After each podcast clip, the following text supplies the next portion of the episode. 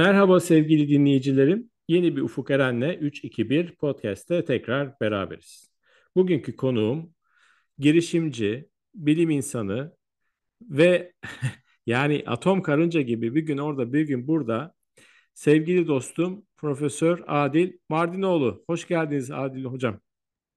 Hoş bulduk. Ee, size atom karınca dedim ama inşallah bozulmadı. Çünkü hakikaten şimdi bile e, Stockholm'dan katılıyorsunuz. Çok Geçen hafta ederim. Asya'da bir yerdeydiniz. Ondan önce Evet. e, Londra'daydınız. E, sizi yakalamak zor. Seyahatler biraz yoğun oluyor. Sizin de belirttiğiniz gibi biraz fazla seyahat oluyor ama e, sonuçta e, işlere yetişmeye çalışıyoruz diyeyim. Evet, evet. Adil Hocam, genelde biz e, bu tür podcastlerimize ilk hayata gelişinizle başlıyoruz. Adil Mardinoğlu ne zaman, nerede, nasıl bir ortamda gözlerini açtı, nasıl bir e, ailede hayata başladı? Buyurun hocam. 6 Temmuz 1982 Denizli'nin Pamukkale ilçesinin e, Yeniköy mahallesinde. E, Pamukkale'ye çok yakın bir yer. E, orada doğdum. E, iki kardeş, bir abi, bir küçük kız kardeş. E, sonrasında köy hayatı ve e, çiftçi bir anne babanın oğluyuz. Oğluyum. E, şöyle söylemek gerekirse aileden devamlı biz çalışmayı gördüğümüz için çalışkan bir anne, çalışkan bir baba. E, tabii ki çocuk küçük yaşta onlara bir şekilde destek olmaya çalış çalıştık. O noktada önce tarlada, sonrasında babamızın dolmuşu vardı. Dolmuşta muavinlik, e, Denizli Garajı'nda hayat derken e, ilkokulu bitirdik. E, il- ilkokul İlkokula sürekli gelmeden ben evet, şeyi kaçırdım. Kaç kardeştiniz hocam? e, üç kardeşiz toplam. E, bir Siz abim, e, kaçıncı? küçük kız kardeşim. Ben ortancıyım. Ha, okey. Bir abi e, ve bir k- e, kız kardeş. Evet, küçük kız kardeşi. E, Evet. aslında yani şunu söylemem e, gerçekten hani, e, doğru olur. E, çok mutlu bir çocukluk hayatı oldu. E, çocuk e, çocukluk hayatında abimle kardeşlerimizle ilişkimiz çok iyi. E, köyde geçen bir hayat zaten. E, o noktada güzel bir çocukluktu diyebilirim aslında. E, ilkokula nerede gittiniz? E, köyde e, Yeniköy İlkokulu'nda e, yani yaklaşık bir 10 dakika yürüme mesafesi olan köy Hı hı. ilkokulunda. E, oradaki şansımız e, çok iyi bir öğretmenimiz vardı, sınıf öğretmenimiz. Bizi çok iyi e, matematik öğretmek ve fen öğretmek e, fen, fen eğitimi için ciddi emek harcadı. O vesileyle aslında e, güzel bir ilkokul dönemi, başarılı bir ilkokul dönemi oldu. İlkokul sonrası, e, ilkokul beşinci sınıfta tabii o zaman Anadolu e, ortaokullar e, mevcut. O dönemde e, dershaneye gitmeye başladık hocamızın yine desteğiyle, hocamızın e, süreci takibiyle. E, dershaneden sonra hem yurdu olduğu için hem de e, o zaman Denizli'nin en iyilerinden olduğu için Denizli Anadolu İmam Hatip Lisesi'ni kazandım ben. Ortaokulu Denizli'de okumaya başladım. Hı. Anadolu İmam Hatip Lisesi'nin e, yurdunda, devlet parasız yatılı yurdunda kalmaya başladık. İşte ilk 10, 10 yaşında, 11 yaşından sonraki süreçte. Hı hı. Bu noktada e, çok güzel e, bir ortaokul dönemi de oldu diyebilirim. Sağ olsun e, o noktada e, hocalarımız, öğretmenlerimiz e, ihtiyaçlarımızı giderirlerdi. Herhangi bir şekildeki e, gerek olan bütün masrafları karşılarlardı. Karşılarlar. Hani çok net söylemek gerekirse yüzde yüz devletin imkanlarıyla ilkokul, ortaokul, yine benzerinde e, ortaokuldan sonraki sınavlarla birlikte Denizli Fen Lisesi, yine yurtlarda kal, e, devam eden bir hayat, liseyi bitirmiş olduk. Peki kardeşleriniz de aynı okullarda mı okudu? Kardeşlerim, e, abim e, aslında oku, o çok başarılı bir okul hayatı olmadı. E, lise birden terk etti. Kız kardeşim ilkokuldan sonra zaten okumadı. Aslında ailede o yönde okuyan, e, onu okuyan tek kişi benim. Anladım hocam. Okey. Kaç e, kardeşler arasında yaş farkı neydi? İkişer yaş, birer buçuk yaş. Tamam, süper. Aslında beraber büyüdük yani. Evet, evet. E, liseden sonra e, üniversite. Üniversiteyi e, yine e, tabii ki e, oku, Deniz Anadolu Hatip Lisesi'nde ben liseyi okudum. E, çok iyi eğitim aldık orada biz. Zaten hepimiz e, ciddi belli fen liselerini kazandık. Sonrasında o olarak Denizli'de Denizli Fen Lisesi açılınca biz de e, farklı yerlerde fen liseleri kazanmıştık zaten bir ekip olarak. e, hepimiz ön kayıtla Denizli Fen Lisesi'ne kayıt olduk. E, Hmm. Denizli Fen Lisesi de o zaman tabii Denizli'nin en iyi okullarından bir tanesiydi.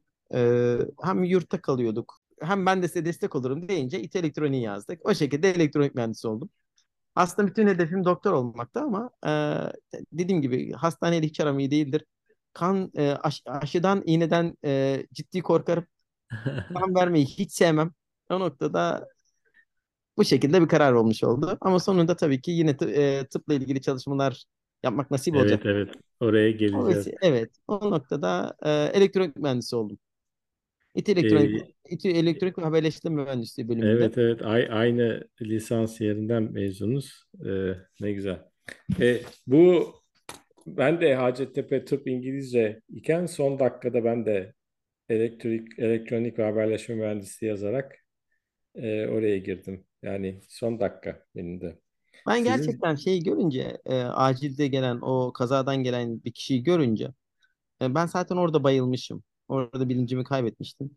Ha of dedim of. e, evet yani ba- bazı şeyler, bazı meslekler insanın yaratılışında olmalı. Demek ki bu bizim e, yaratılışımızda yok deyip o şekilde e, elektronik mühendisi oldum ve şimdiye kadar da hiç pişman olmadım. İnşallah bundan sonra da pişman olmayız. E, bu sınavdan önce mi? Ne kadar önce oldu bu? Sınavda aslında samimi söylemek gerekirse tercihleri yapıp okula teslim etmiştik. Ben bu olay olduktan sonra okula gittim. E, sağ olsun hocalarımız tercihleri değiştirmeme müsaade etti.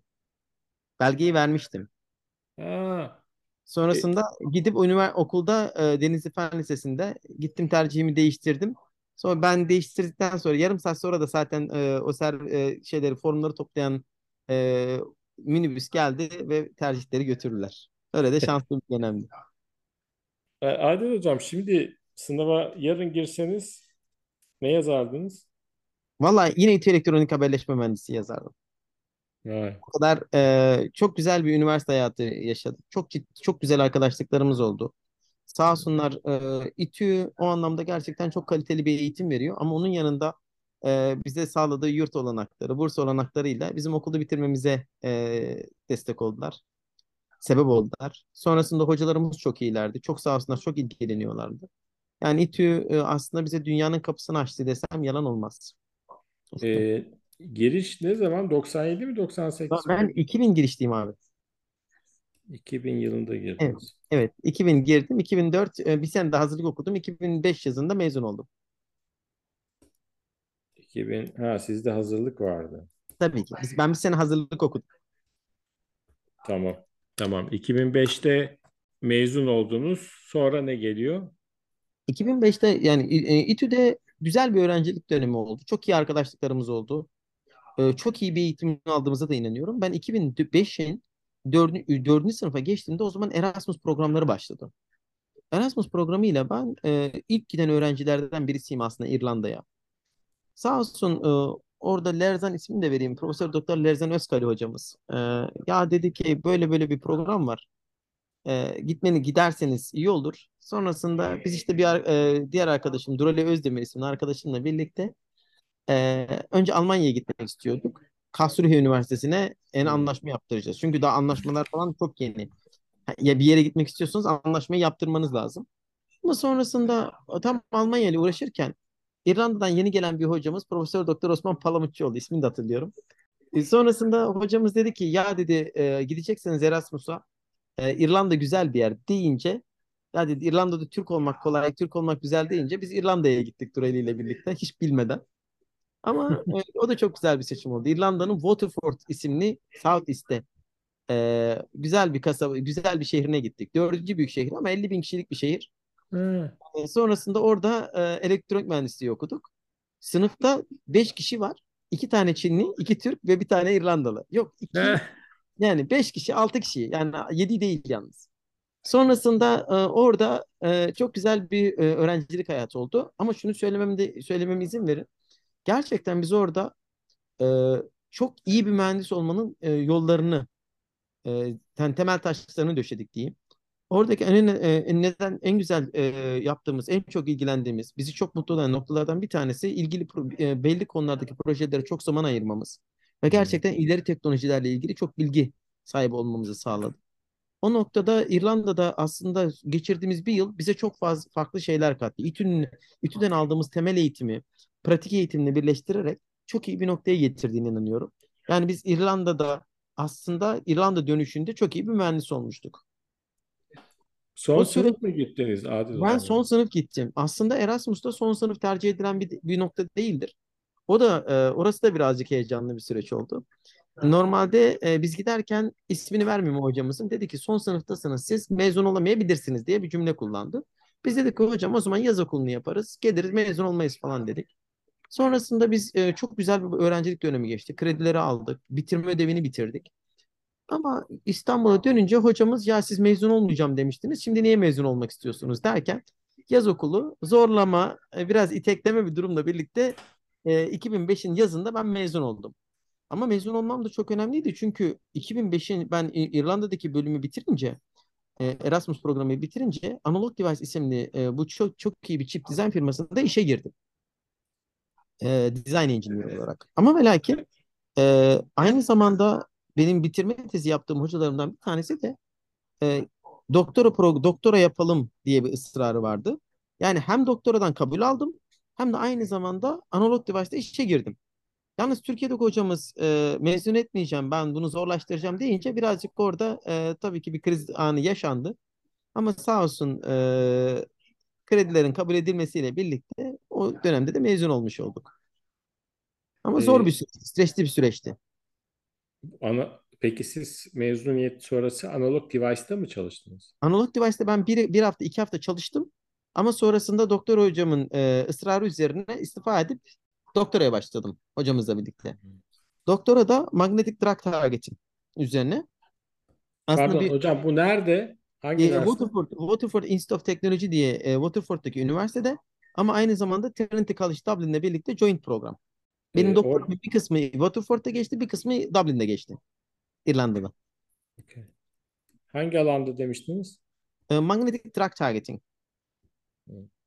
Orada bizim yaptığımız e, magnetizmanın e, nanopartiküller üzerine vücuttaki e, etkileri e, e, ve nasıl belli noktaya target edilebilir, moleküller, ilaç e, ilaç molekülleri nasıl yüklenebilir, kanser tedavisinde en az ilaçla e, en iyi tedavi sağlama yöntemleri üzerine çalıştık. E, nasıl devam etti? Ne kadar orada kaldınız? Orada ben üç buçuk yılda doktorayı bitirdikten sonra e, yani do, üç buçuk yıl doktora yaptım. Ama şunu söylememde izin verin. Benim aslında doktoram böyle çok iyi bir doktora olmadı. Çünkü ben orada o dönemde part-time iş e, arıyorduk doktoraya başladığımız sürelerde. Sonra part-time iş olmayınca e, biz bir, bir, tane bir arkadaşımızla birlikte fish and chips restoran açtık. Sonrasında çok iyi girince e, biz sonunda yedi tane fish and chips restoranımız oldu. İtalyan restoranımız oldu. Yani o doktora döneminde aslında biz e, hani her Türk'ün yaptığı gibi kebapçılık, pizzacılık üzerine de doktoramızı yapmış olduk. Öyle de söyleyebilirim. Yedi tane e, evet. restoran açtınız. Yani. Evet. E ne oldu hocam sonra bu? E, şimdi doktorayı bitirince, doktoranın sonuna gelince e, tabii annem e, hep o, e, bana o, beni o, o yönden biraz kritik, e, hani şey yapardı, eleştirirdi. Oğlum biz sen oraya e, oku diye gönderdik, restorancı ol diye göndermedik. Sonrasında ben doktoradan mezun olurken bu 7 restoranın her birini bir bir sattım. Kapa yani devrettim restoranları bir bir. Sonrasında e, bu devrettiğimiz e, biz devrettikten sonra da zaten e, doktora da bitirmiştim. Sonra İrlanda e, Dublin'de yine bir yıl postdoc yaptım. E, orada da e, bone marrow growth üzerine çalışıyorduk. E, yani açıkçası e, hani bu kemik yapılarının nasıl kemik daha allograft evet bu yapıların nasıl e, embed olacak, vücuda embed olacak yapıların büyütülmesi, dışarıda büyütülmesi ve vücuda implant edilmesi üzerine çalışıyorduk. Yalnız orada e, bizim o, o konudan sistem biyolojiye geçmemiz birazcık ilginç oldu.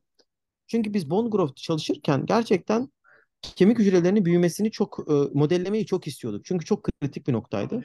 Ben bunları incelerken e, bu Genome Scale Metabolic Modeling, Systems Biology ile tanıştım. Yani burada bunun mümkün olduğunu, hücre bazlı büyümenin mümkün olduğunu araştır, e, buldu, yaptığımız araştırmalarla bulduk. Sonrasında acaba e, bunun ilgili nasıl fazla bilgi edinebilir miyim derken bir gün gece e, 3'te yani 3'e kadar 4'e kadar çalıştığımız dönemler Jens Nielsen isimli bir hocamıza benim postdoc sonradan postdoc hocam olacak kişiye bir mail attım. Hocam ben senin CV'ne baktım. E, senin yaptığın işleri çok beğendim. Benim CV'm bu. Ben postdoc olmak istiyorum. E, ben tam tam saatler aslında mevcut. Maili hala silmedim ama ben 3'te mail attım.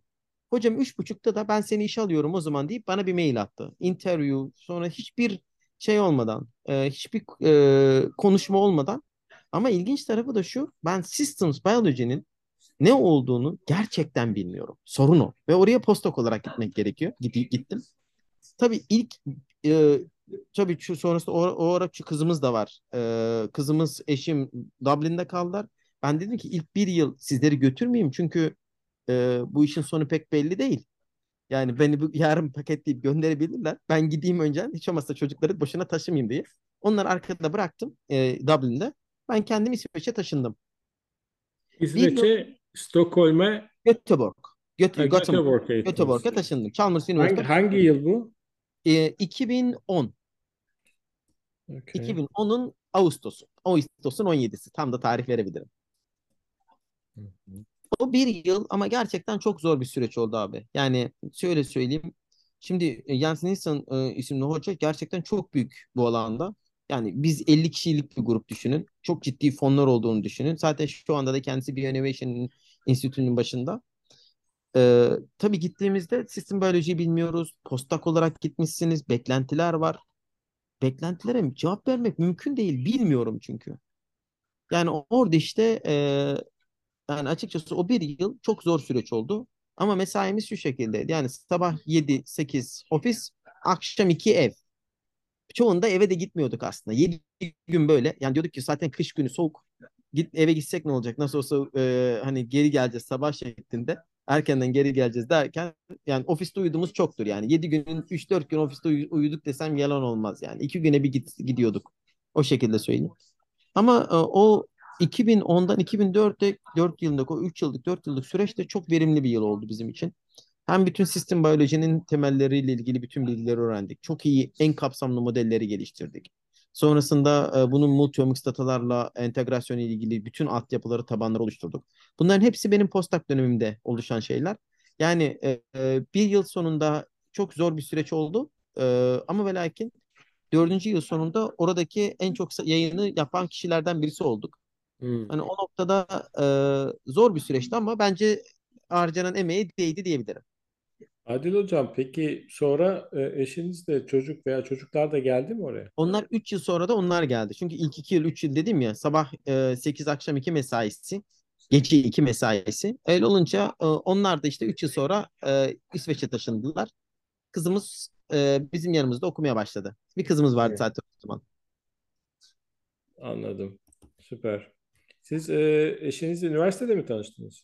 Eşimle İr- İrlanda'ya ilk gittiğimizde tanışmıştık üniversitede. O şekilde e, 2004'te gitmiştim ben. 2004'ün Eylül'ü. 2004'ün Eylül'ünden beri de beraberiz zaten. Ne güzel. Çok e, başarılı, hızlı ve oradan oraya bir e, eğitim hayatı. E, en son şu an e, 2013-14'teyiz. Hala Evet. Göteborg'dayız. Evet.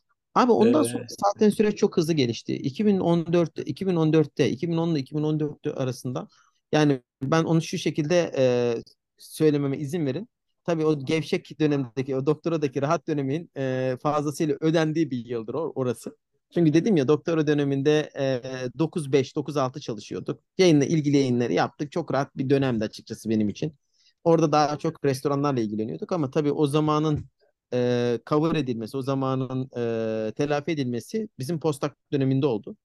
2014'e kadar yaptığımız, geliştirdiğimiz platformlar o kadar iyi bir noktaya getirdi ki bizi.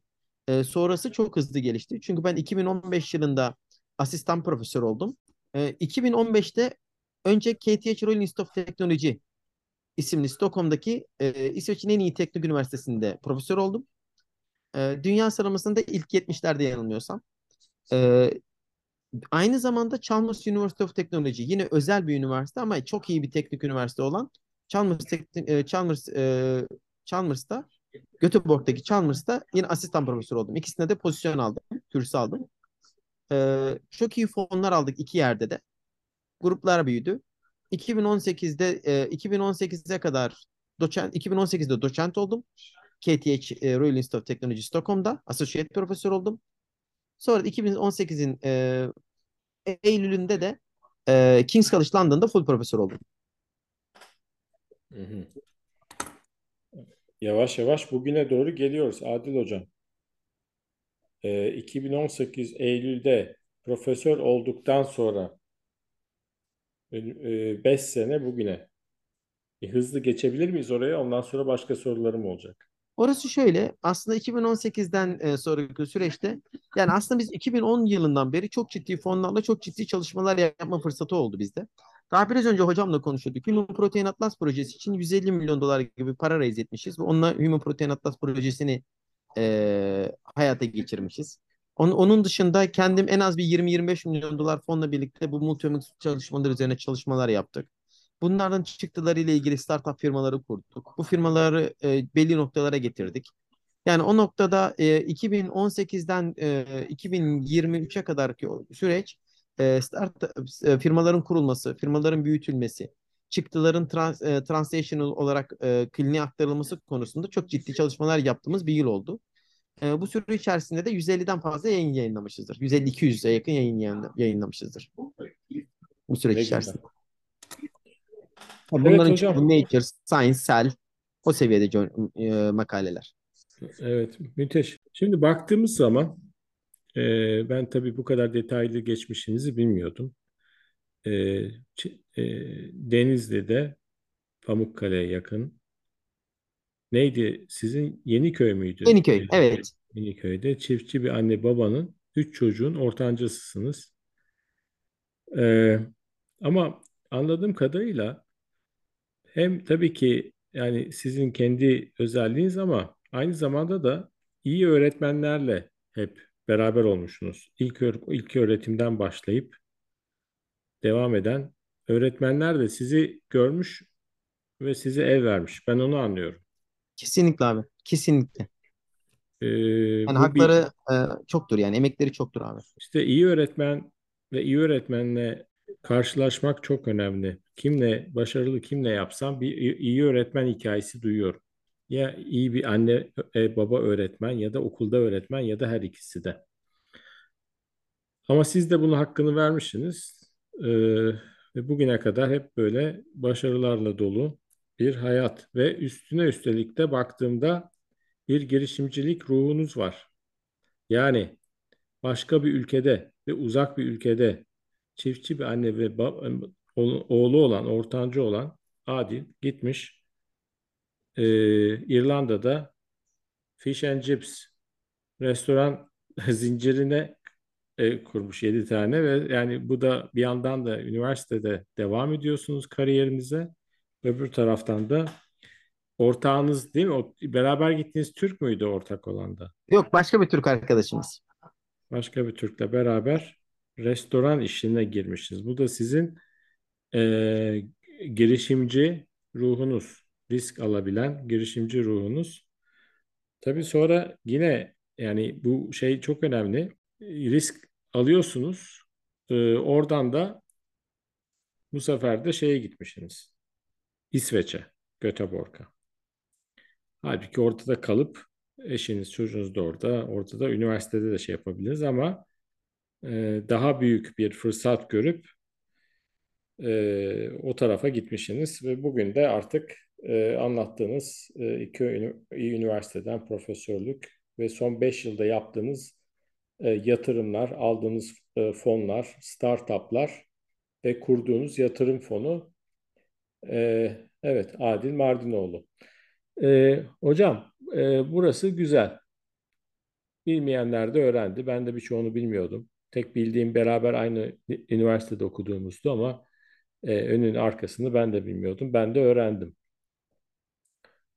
Burada baktığımızda e, Adil Mardinoğlu'nu siz nasıl üç e, özelliğiyle öne çıkıyor? Tan nasıl tanımlarsınız? Abi ben aslında iyi iletişim, e, insanlara saygılı, küçük büyük e, fikrin nereden geldiğine bakmadan e, iyi dinlemek. Ben bu saygıyı da bu şekilde de yani bunu saygıya da dahil ediyorum. E, ve En önemlisi de dürüst ve adil olarak. İsmi gibi diyorsunuz. Aynen. Ben çok önemli faktörler bunlar. Çünkü insanlara siz samimi olduğunuzda, dürüst davrandığınızda, insanları dinlediğinizde, yorumlarını dikkate aldığınızda e, ve bunu etkili bir şekilde hem mesaj alıp verebildiğinizde bence başarı kendisi geliyor. O Hmm. noktada ben e, bu temel değerlerin e, sayesinde bir noktaya geldiğimizi düşünüyorum. İnşallah daha güzel noktalara hep beraber geliriz sevdiklerimizle. Evet, evet, aynen. İnşallah. Ee, hocam, e, İrlanda, İngiltere, İsveç, belki bilmediğim başka ülkelerde de yaşadınız, yaşıyorsunuz. Yani özellikle bu ülkelerde, bahsettiğim ülkelerde yabancılık hissettiniz mi? Yani veya yabancı olduğunuz, Türk olduğunuz hissettirildi mi? Yani abi şöyle aslında yani bir e, şimdi evden yani evden çıktığınız andan itibaren aslında her yerde yabancısınız. Bu İstanbul'da olabilir, İsveç'te olabilir, İngiltere'de olabilir. Ama ben daha çok e, yaptığım işe odaklandığım için aslında nerede olduğumun çok da önemi olmadığını düşünüyorum. Ben işimi en iyi şekilde yapmaya çalışırım. En iyi noktaya getirmeye çalışırım. Ha, bunun dışında gerisiyle çok diğer detaylarla çok fazla ilgilenmem. Ama şunu samimi söylemek gerekirse hiçbir zaman Türk olduğumu unutmam. E, çünkü sonuçta e, ne olursa olsun e, gittiğiniz ülkede yaşamak da o ülkeli olunmuyor. Oranın kültürüne adapte olsanız da, oranın ortamına adapte olsanız da o toplumdan olunmuyor. O noktada ben mümkün olduğunca Türklüğümü unutmadan, hani kökünü kaybetmeden gittiğim ortamlarda başarılı olmaya bakıyorum. İşimi baka, işimi yaparım. Çok da fazla detaya girmem açıkçası. Hı hı. Peki baktığımda böyle hayatınızın gidişindeki önemli bir olay, e, bu dedenizin hastaneye götürmüş olup da son dakikada doktor olamam, olmak istemiyorum kanısına varıp elektronik mühendisliğiyle değiştirmeniz. Katılıyor musunuz? Bu önemli bir Doğru abi. Çok önemli bir konu. Doğru. Çok doğru. Yani o, o bir değişik, o bir kritik nokta oldu. Sonrasında İrlanda'ya gitmek farklı bir kritik nokta. Sonrasında çok iyi O bir iş nereden geldi hocam? Neden Erasmus? Neden İrlanda'ya yani yurt dışına gitmek istediniz? İrlanda aslında şu şekilde oldu. Şimdi Erasmus programları yeni başlamıştı. Biraz önce de ismini verdiğimiz hoca Lerzan Özkoli hocamız, işletme e, profesörü kendisi. Ama ve lakin e, şunu söylemişti. Ya e, bu çok iyi bir or hani çok iyi bir fırsat. Yurt dışındaki e, yurt dışında e, da bir yıl okuyup tecrübe edinmeniz çok faydalı olur şeklindeki tenkinleriyle. Öbür türlü açıkçası bizim kendi projemiz değildi. Lerzan hocamızın yönlendirmesiyle ben e, o şekilde bir Erasmus'a programına e, kayıt yaptırdım ve seçildik. O noktada İrlanda'da e, bir yıl geçirme fırsatı oldu. Aslında yurt dışı tecrübesi edinme, e, tecrübesi edinmemizi istedi hocamız. O vesileyle oldu. Ama planlanmış, sonrasında ona hani o çerçevede hayal kurulmuş bir şey değildi. Yine spontane gelişen bir olaydı. Adil hocam, 15 yaşındaki Adil'i karşınıza alsanız, şu anki Adil, bana ne tavsiyelerde bulunmak bulunurdu? Vallahi ben öncelikle e, çok çalışmasını ve e, inatla e, koyduğu hedefe ulaşana kadar ısrar etmesini tavsiye ederim. Aslında bu, bu- bunu e, ben dinleyen bütün genç arkadaşlara da aynı tavsiyede bulunmak isterim. E, zeki olmak bence çok güzel bir şey. Ama ben e, en temelinde çok çalışmanın başarının sırrı olduğuna inanıyorum. Bunun yanına insanlar verimli çok çalışma, sonrasında akıllı çok çalışma, yani farklı sıfatlar ekleyebilir.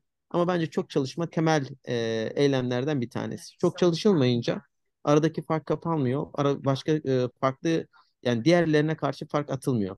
Ne yazık ki diye düşünüyorum. Gençlere bunun dışında söylemek istediğiniz bir tavsiye var mı? Dediğim gibi ısrarla e, koydukları hedefe ulaşana kadar e, çalışmalarını. Hı hı. Hocam son bir soru, o da merak. Genelde bunu sormuyorum da podcastlerde. Aa, bundan şöyle hızlıca bir iki dakikada bugünden önümüzdeki 20 yılda Adil Mardinoğlu'nun hayalleri yapmak istediklerini şöyle kısaca bir hedeflerini paylaşır Çok mısın? güzel bir soru. E, bu, bu soruyu biraz önce aslında yemekte e, yani hocamızla beraberdik. E, orada da konuştuk. Açıkçası e, şimdi yoktan gelince elinizdeki olan her şey size çok geliyor. Yani hani sıfır ile bir arasındaki fark çok büyük ama bir çok büyük bir sayı sıfıra göre. Yani o noktada yoktan geldiğimiz için e, çok şükür e, şu anki sahip olduğumuz imkanlar bizi çok mutlu ediyor. Yani açıkçası varlık için bir ömür harcanmaya gerek olmadığını düşünüyorum ben. Ama burada en önemli noktalardan bir tanesi inşallah ömrümüz süresi içerisinde bir hastalığa, iki hastalığa bir çözüm bulabiliriz. Bir tedavi yöntemi geliştirebiliriz. Birilerine dert, e, hani bir birilerine e, bir çözüm sunabiliriz. O noktada benim açıkçası hedefim bunu bu e, ömrümüzün kalan süresi içerisinde insanlığa e, ihtiyacı olanlara karşı çözümler e, kişiler o kişide olan e, ihtiyacı olan kişilere çözüm üretmek, tedavi yöntemleri üretmek e, ve bunlarla ilgili büyük başarılı hikayeleri yazmak. Onun dışında e, bir fazla da bir, bir beklentim de yok açıkçası. Ben hiçbir zaman e, çocuk üniversitedeyken, yani ilkokuldayken veya ortaokuldayken hiçbir zaman bir yerde bir profesör olmayı, hiçbir zaman yurt dışında yaşamayı, bunları biz hayal bile edemedik. Ama bu noktaya geldiğimizde demek ki bunlar nasip oldu bize. İnşallah bu vesileyle biz de insanlığa faydalı güzel işler yapabilirsek ben çok mutlu olurum. Onun dışında gerisi de teferruat zaten diye düşünüyorum. Adil Hocam, çok teşekkür ediyorum. Ee, güzel bir yolculuk yaptırdınız. Ee, umarım da bundan sonraki 20 yılda bu bahsettiğiniz en az bir iki hastalığa bir çözüm bulma konusunda önemli adımlar atacağınızdan eminim. Ee, çok teşekkürler. Ben teşekkür ederim. bir konferanstan katıldınız. Ee, bunu da ayrıca teşekkür ediyorum. Ee, sevgili dinleyicilerim, bugünkü konuğum e, benim sevdiğim, e, aslında çok uzun süredir tanışmıyoruz Adil Hocam'la ama e, belki 4-5 yıldır bir tanışıklığımız var ama birbirimize gayet iyi an, e, anlaştık ve e, birbirimizle de e, temas halindeyiz. E, bugün de konuğum oldu. Kendisine çok teşekkür ediyorum. Bir sonraki Ufuk Eren 321 podcast'te tekrar birlikte olmak üzere. Hoşça kalın.